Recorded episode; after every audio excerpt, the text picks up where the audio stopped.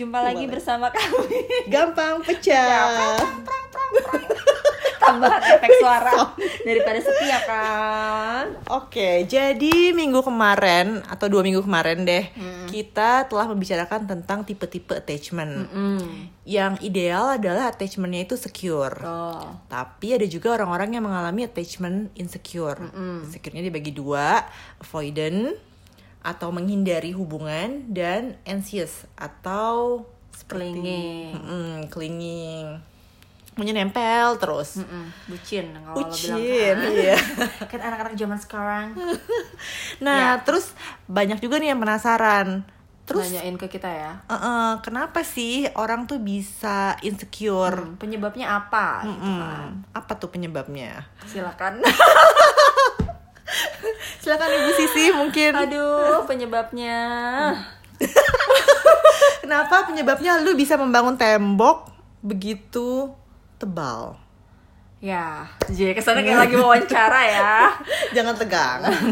Iya, jadi mungkin ini gue ngomongin cerita gue dulu ya, baru nanti kita simpulkan bersama-sama. ya, jadi eh tadi kan kalau misalnya attachment kan itu didasarkan oleh pola interaksi kita sama significant others kan.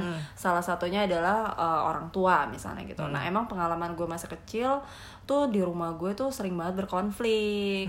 Ya, banyak lah ya konflik tentang ini, tentang itu gitu di antara kedua orang tua gue. Nah, tapi yang jadi masalah nih setelah gue pikir-pikir ternyata setiap mereka berkonflik itu tuh gue dilibatkan. Jadi selain exposure terhadap konfliknya besar di mana mereka kalau konflik bisa terjadi di mana aja, lagi di pasar, lagi di mall, di mobil, di rumah yang kayak gitu kan kapan pun.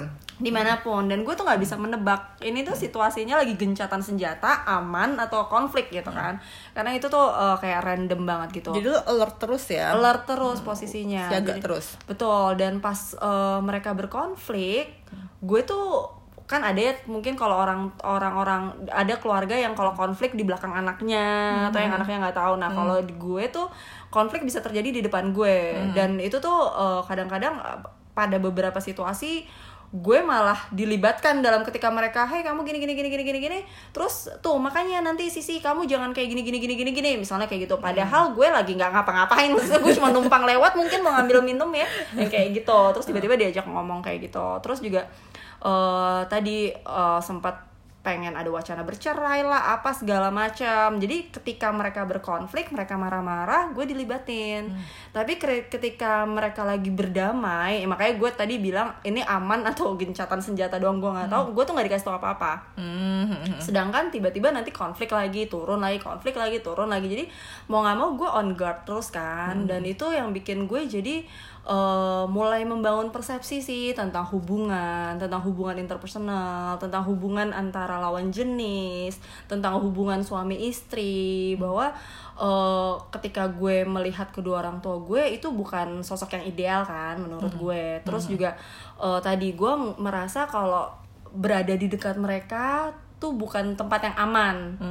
Dan bahkan suami istri atau keluarga tuh juga not necessarily merupakan apa ya kayak semacam safe place juga gitu bahwa sosok lawan jenis tuh bisa jadi berbahaya unpredictable. Dan itu sih yang bikin gue jadi eh, tanpa gue sadarin pada waktu itu memang udah mulai build walls. Jadi gue udah mulai membangun tembok tuh yang makanya sampai batuk ih. Panjang deh ya jadi makanya waktu itu eh, setelah dipikir-pikir lagi yang pas cerita kita pas pilot ya kalau nggak salah ya yang itu jadi kayak ternyata orang yang selama ini gue tampil yang gue lebih ekspresif dalam menampilkan perilaku agresif atau yang tiba-tiba gue bangun terus gue kayak rasanya sebel banget itu tuh sebenarnya emang cowok-cowok sih. Gitu. Oke. itu sih yang eh, setelah gue pikir-pikir bikin gue jadi si avoidance tadi karena Karena lo melihat lawan jenis itu sebagai sosok yang bisa membahayakan bisa membahayakan lo. betul kalau lo gimana Kalau gue kurang lebihnya mirip sih seperti itu. Jadinya gue juga membangun persepsi bahwa oh sepertinya pernikahan ini nggak fit nih buat gue. Iya, sepertinya betul. pernikahan ini tuh adalah hal yang negatif. nah Kalau misalnya em, suami istri itu selalu bertengkar terus misalnya berkonflik terus buat apa ada namanya pernikahan Betul. gitu itu yang selalu gue pikirin sih jadi uh, cukup membuat gue takut pada yang namanya pernikahan Hmm, hmm. dan gue tidak merasa itu memberi manfaat juga buat gue Iya, iya. kenapa gue harus didorong untuk menikah menikah Iya. gitu jadinya makanya itu juga yang kayak jadinya mungkin kelihatannya kalau sama orang lain kita kayak jadi super picky gitu kan Hmm. pasti nggak ada sosok yang laki-laki yang bisa pada waktu itu ya sebelum menikah nggak ada yang bisa kayak yang cocok nih yang sesuai. Karena jadinya yang kita punya tipe ideal banget yang perfect gitu kan. Hmm. tapi di satu sisi walaupun kita punya tipe ideal itu juga kayak itu kayak sesuatu yang mustahil sih. Karena kan tadi pada akhirnya sebenarnya tujuan kita menciptakan sosok itu juga karena kita yakin itu nggak ada kan. Hmm. jadi kita tuh pokoknya sebenarnya secara tanpa sadar kita sebenarnya nggak pengen ada komitmen. Betul. Jadi kita tuh jadi nyiptain sosok yang super ideal biar kita tuh nggak bisa mencapai dia biar kita nanti dapat alasan Eh, kalau dapet oh alasan. ya udah emang gue mesti sendiri aja gitu padahal sebenarnya ada loh yang ngedeketin tapi kita selalu menolak dia Hmm. dan kita selalu mendekati orang-orang tipe yang salah Hmm. atau kurang tepat atau yang kita Iya. anggap ideal tadi jadi yang nggak dapat dapat terus iya tapi itu sebenarnya alasan untuk kita tuh avoidant Hmm.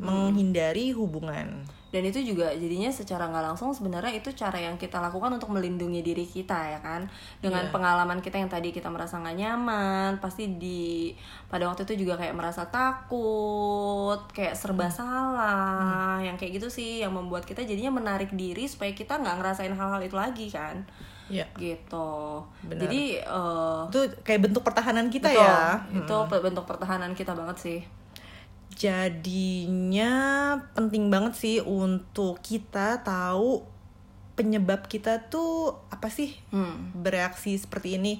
Kayak misalnya kebetulan aja nih gue sama Sisi sama kita Iya. tipe yang avoidance Betul. terus ternyata Penyebabnya juga penyebabnya mirip. juga mirip Tapi- tapi ada orang-orang yang penyebabnya tuh beda-beda misalnya sama-sama avoidance kayak kita tapi ternyata penyebabnya beda Hmm, bisa Atau- aja sebenarnya dia uh, pola asuhnya itu positif tapi misalnya diselingkuhin terus Betul. sama pacarnya atau ada anggota keluarga yang meninggal Betul. gitu jadi dia uh, nggak punya pegangan atau safe place Mm-mm. yang seperti itu jadi macam-macam sih Iya, intinya apa pun penyebabnya memang pastinya sih kan karena ini pola interaksi kan. Jadi Hmm. orang-orang yang signifikan sama kita. Jadi misalnya dan ibaratnya dia kayak pengasuh utama kita lah. Jadi Hmm. kalau misalnya kita diasuh utamanya sama orang tua, ya kemungkinan penyebabnya pas ketika hubungan kita sama orang tua itu. Hmm. Tapi ketika kita diasuhnya sama kakek nenek atau pengasuh atau neni misalnya encus ya kalau anak zaman sekarang sebutnya, ya mungkin salah satu penyebab kita berada dalam eh, hubungan timbal balik kita sama sosok-sosok itu. Ya gitu. Gitu. Jadi eh, coba nih kenali. Kalau misalnya kalian ngerasa eh nih kayaknya gue juga nih tipenya apa? insecure ya misalnya avoidant atau anxious mm-mm, Kira-kira apa sih apa yang sih? pernah terjadi yang kayak gitu? Ya gimana kalau itu jadi bahan renungan malam minggu yang syahdu dan mendung-mendung. Eh terus? Tapi eh, gimana nih? Akhirnya lo bisa ketemu sama apa? Suami? Sama suami ai ya dong. Ya ya kayak, balik. kayak maksudnya kan lo berarti kan ada ketidakpercayaan nih sama lawan Hmm, jenis. Gimana akhirnya dia bisa meyakinkan lo untuk lo mau sama dia? Lo percaya bahwa dia tuh berbeda loh. Dia Hmm. tuh sosok lawan jenis yang bisa lo rely on gitu Iya. Karena sih yang pasti dia waktu waktu itu kan ini ngomongin pas PDKT dulu ya. Jadi pada waktu itu sih dia memang sangat konsisten sih, sangat men- meng- sangat konsisten menunjukkan niatan dan apa sih namanya kayak menunjukkan perasaannya sih.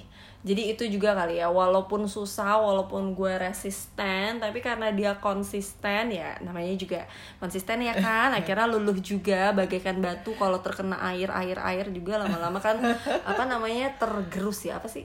Apa sih? ya pokoknya Ya, kayak gitu lah. Kira-kira kalian ngerti ya, lah ya. ya, ya. kayak gitu. Jadi eh, karena kalau tadi penyebabnya kita jadi insecure si penyebab avoidance kita kan tadi situasi yang inkonsisten kan yang kita nggak tahu nih kapan akan meledak gitu. Terus eh tadi jadi ketika si suami gue pada waktu itu juga jadi memberikan sesuatu pada waktu suami itu. pada waktu itu?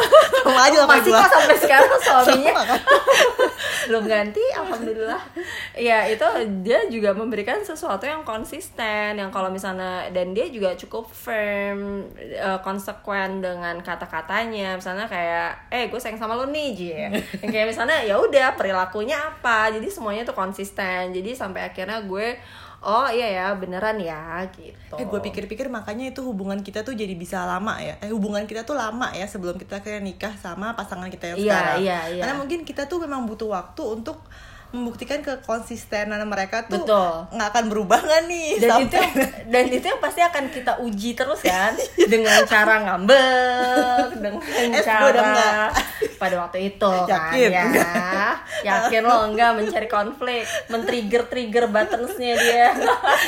Sabar buat satu lagi. Ya jadi eh, yang kayak gitu kan pasti lo akan jadi karena lo punya lo punya kekhawatiran kan? Lo punya kekhawatiran apakah ini sesuatu yang bisa dipercaya? Lo bisa rely sampai kapan gitu. Jadi ketika lo udah mulai percaya pun sebenarnya kayak ada bayangan di balik kayak ngerti gak sih? Lo tetap kayak dihantui sama kalau gue kayak gini dia berubah gak nih kalau dia kayak gue kayak gini dia berubah gak nih yang kayak gitu kan? Secara nggak sadar itu jadi kayak nguji terus Betul. pasangan kita. Kalau misalnya kita tadi insecure. Alhamdulillahnya dia lolos uji ya makanya. Makanya walaupun kita udah bertahun-tahun sebelum menikah akhirnya Iya. bisa meyakinkan kita Iya. sebelum pernikahan. Jadi tadi penting banget sih Gitu. punya pasang jadi penting banget buat kita tahu penyebabnya tuh apa, Apa? Hmm. sih sebenarnya bisa men-trigger kita dan yang kedua punya pasangan yang konsisten Iya, tapi balik lagi kan everything is work in progress termasuk uh, si relationship ini. Jadi kayak uh, ya tadi lo nggak bisa berhenti berusaha untuk kayak meyakinkan pasangan lo di satu sisi, tapi di satu sisi juga lo nggak boleh beru- berhenti berusaha untuk memberi kesempatan kepada pasangan lo yang kayak gitu kan. Jadi kayak uh, kayak itu sesuatu yang emang lo harus lakukan secara timbal balik dan bersama sih. hubungan tuh kayak lari maraton ya, Ya. jadi harus terus saja jadi nggak bisa sprint gitu tapi lo harus maintain terus-terusan yang kayak gitu-gitu. Ya? Berarti ya pembicaraan hari ini ya Oke, kalau Oke. gitu itu tadi cerita kita tentang penyebab. Mudah-mudahan cukup mudah dipahami ya. Ya. Kalau gitu sampai ketemu di Dua episode minggu. gampang pecah. Ya, selanjutnya Dah. Dah.